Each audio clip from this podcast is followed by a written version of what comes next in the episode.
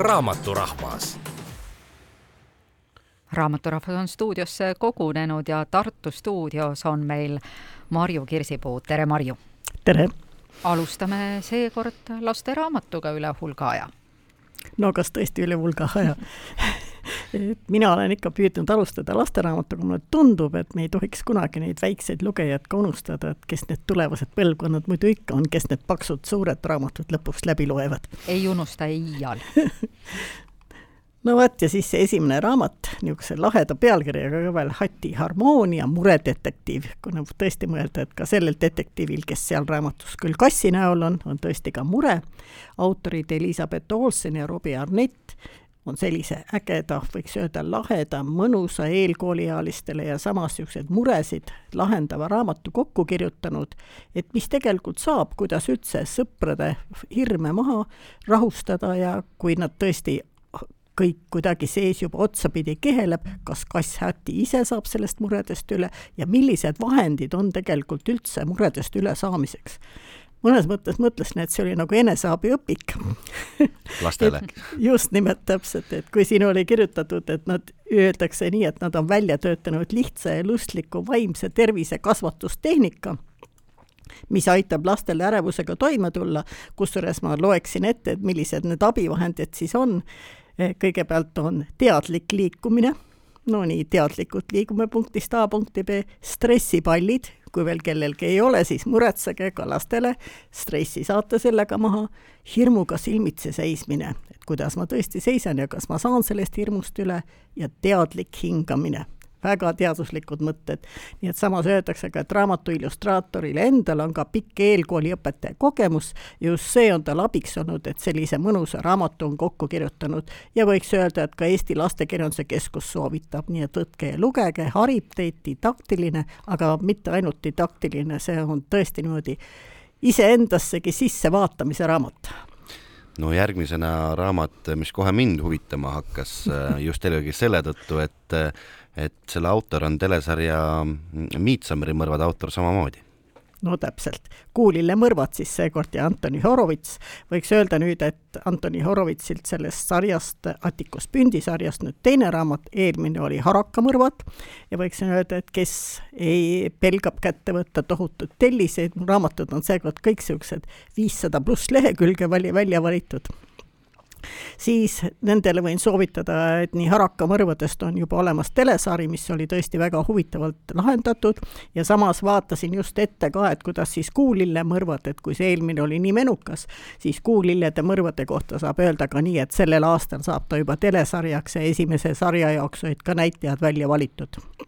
Aga mis on siis veel kinnituseks selleks, et kui ta nii meile meeldib, siis ka võiks öelda, et et krimide esi, Eesti esilugeja Jaan Martinson on ka samuti ju selle aasta alguses kinnitanud, et see kriminaalne telliskivi on iga sellele kulutatud minutit väärt. nii ja. et Neid minuteid on päris tublisti, arvestades, et viissada kolmkümmend kuus lehekülge, kui ma nüüd ei eksi. just nimelt, ja siis põhimõtteliselt need kõik need sündmused, võiks öelda ka niimoodi, et defineeritakse ju ka see siin lahti, et võib-olla krimiromaan ei peaks olema selline, kus selgelt võib-olla kiirelt tuleb lahendus, vaid tegelikult asja käigus on protsess. ka selles raamatus on kindlasti mitu romaani koos, kõigepealt üks romaan, mida kirjutatakse, teine, kus need tegelased, kui juba juttu on ühe kirjastuse toimetajast, kes nüüd hetkel küll peab hotelli, aga kui temale räägitakse juhtumist, kus seal ühesõnaga keegi on kas tapetud või midagi, see lööb tast jälle uuesti nagu elu käima, nii et põhimõtteliselt kui meil siit ilmast oli lahkunud menukirjanik Alan Conway, eelmises noh, pooleli jäänud romaanis oli mõrvarid ei leitud, leetu ikka lõpuks üleks, siis ka selles võib nende kõikide üle poole tuhande lehekülje ulatuses raamatus muudkui rännata nii Kreekas, nii Inglismaal, ajada mõr-, mõrvareid, tagada, saada kultuurist aimu ja saada aimu heast tekstist, mõnusast kaasaelamisest eestlased on üha julgemalt viimastel aegadel hakanud minu meelest rääkima surmast, inimese lahkumine Marju Kõivupuu sulest. Just, ja nii alapealkirjaga just, et raamat surma, surma ja kalmistukultuurist. no võib-olla siin raamatus öeldaksegi seda, et me oleme vahepeal nagu niisugune kultuurikatkestus on olnud aastaid ja võib-olla paarkümmend aastat vahepeal nagu ei räägitud sellest väga, väga rõhutatakse seda just, et isegi ei võetud, ei käidud väga matustel, ei võetud lapsi sinna kaasa, samas viiekümnendatel, kuuekümnendatel, seitsmekümnendatel see oli nagu loomulik kultuuri osa südamesoojusega räägib ka Marju Kõivupuu selles raamatus sellest, kuidas no omal ajal laste jaoks oligi maakohtades just eriti surnu ja püha oli selline, kus nad suguvõsad kokku, kokku said ja seal käidi samamoodi nagu võib-olla laulu- ja tantsupidudel, võib-olla mingitel muudel jaaniõhtutel, et kõik olid seal koos. selle raamatu, ütleme, raamat on tõesti või jälle täpselt samamoodi suur ja paks ja, ja tegelikult võtabki selle kultuuri kokku. hästi palju rikkalikult pildimaterjali, hästi palju ära põhjendatud erinevate kas või Eesti regioonide erinevaid kombeid, erinevaid ka hauakultuuri, võiks öelda, hauadisaini kombeid, et kuidas ühel pool ja teisel pool, millised isegi hauakivid on kasutusel. lugesin ja kindlasti loen veel teatud kohad üle, selles mõttes, et osades kohtades, kuidas ka sajandite taha on nüüd säilinud erinevad kivid ja kuidas üldse meie lahkunusse suhtume ja kuidas me teda ära saadame ja võib-olla ka pärast mälestame. See on veidi nagu selline suureks saamise osa, ma mäletan arutelu selle üle, et noh, millal siis nagu laps sobib matustele kaasa võtta. et äh, siis kõrvalt kuulasin seda ja kui siis öeldi, et noh, võtame ta siis seekord äh, kaasa, et oli ühe naabritädi, sellise väga vana naabritädi kodust ärasaatmine ja siis see oli justkui auküsimus, et sa oled nüüd äh, nii suur, et sind võetakse matustele kaasa. kuigi ma pean tunnistama, et koolis ma veel ei käi, käinud ja mul on sellest ainult väga hämarad mälestused. mul on umbes taolised mälestused aegadest, sellest just kodustest ärasaatmistest ja ja tegelikult võib-olla maal see oligi nagu rohkem levinud, et siis mindi juba perekondadega lihtsalt sinna sellise noh, protsessi või selle juurde, et see oligi inimesega viimane nagu hüvasti jätt. kuigi mul on praegu tunne, et ega praegusel ajal küll väga lapsi matustele kaasa võtta, mina mäletan ka enda ajast ikkagi maast madalast sai kõik vanatädid äh, läbi käidud.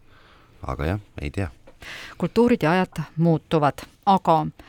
viimane raamat, äh, mille puhul äh, esimese hooga tekib küsimus, et kumb siis panna autoriks ja kumb siis pealkirjaks, sest raamat on Terry Pratchettist ja Terry Pratchett on ju meile kõigile olnud väga armastatud kirjanik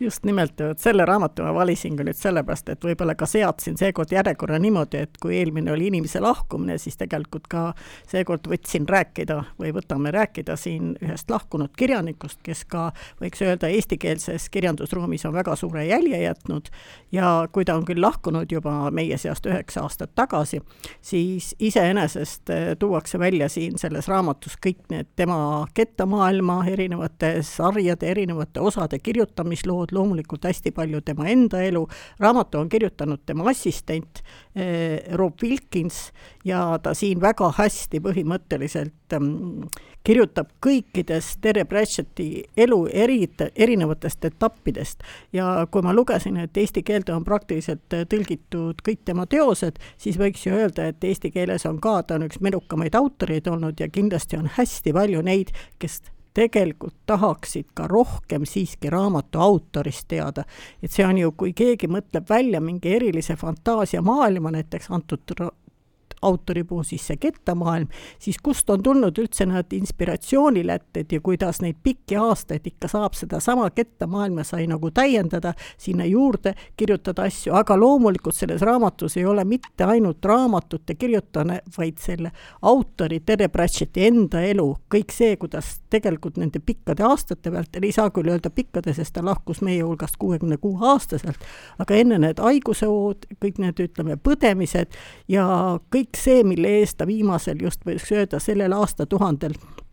äh, võitles, sest ta oli ka üks neid, kes võitles eutanaasia legaliseerimise eest, oli mitmete erinevate, kuidas öelda, suundade eestvõitleja, et ka sellest on seal raamatus väga huvitavalt kirjutatud. ehk see raamat ei ole sugugi mitte nii lustlik lugemine, kui Terry Pratchetti enda teosed olid just nimelt, kuna ta ise oli tuntud niisugune lustiline, võib-olla kõike pilaja ja kõike võib-olla niisugune naeruvääristaja, aga samas tema enda elu, nagu ma ütlen ka, et ta ei elanud ju kuuekümne kuue aastane mees, ei ole nii pööraselt vana, eks oleks võinud ju edasi elada, aga ta viimased aastad põdes Alžeimerit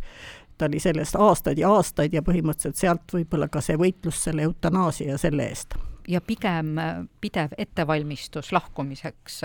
oli, mida, mida viimased aastad kand-, kandsid, et ta täpselt teadis, kuidas kõik see peab olema, mis edasi saab, mismoodi, kes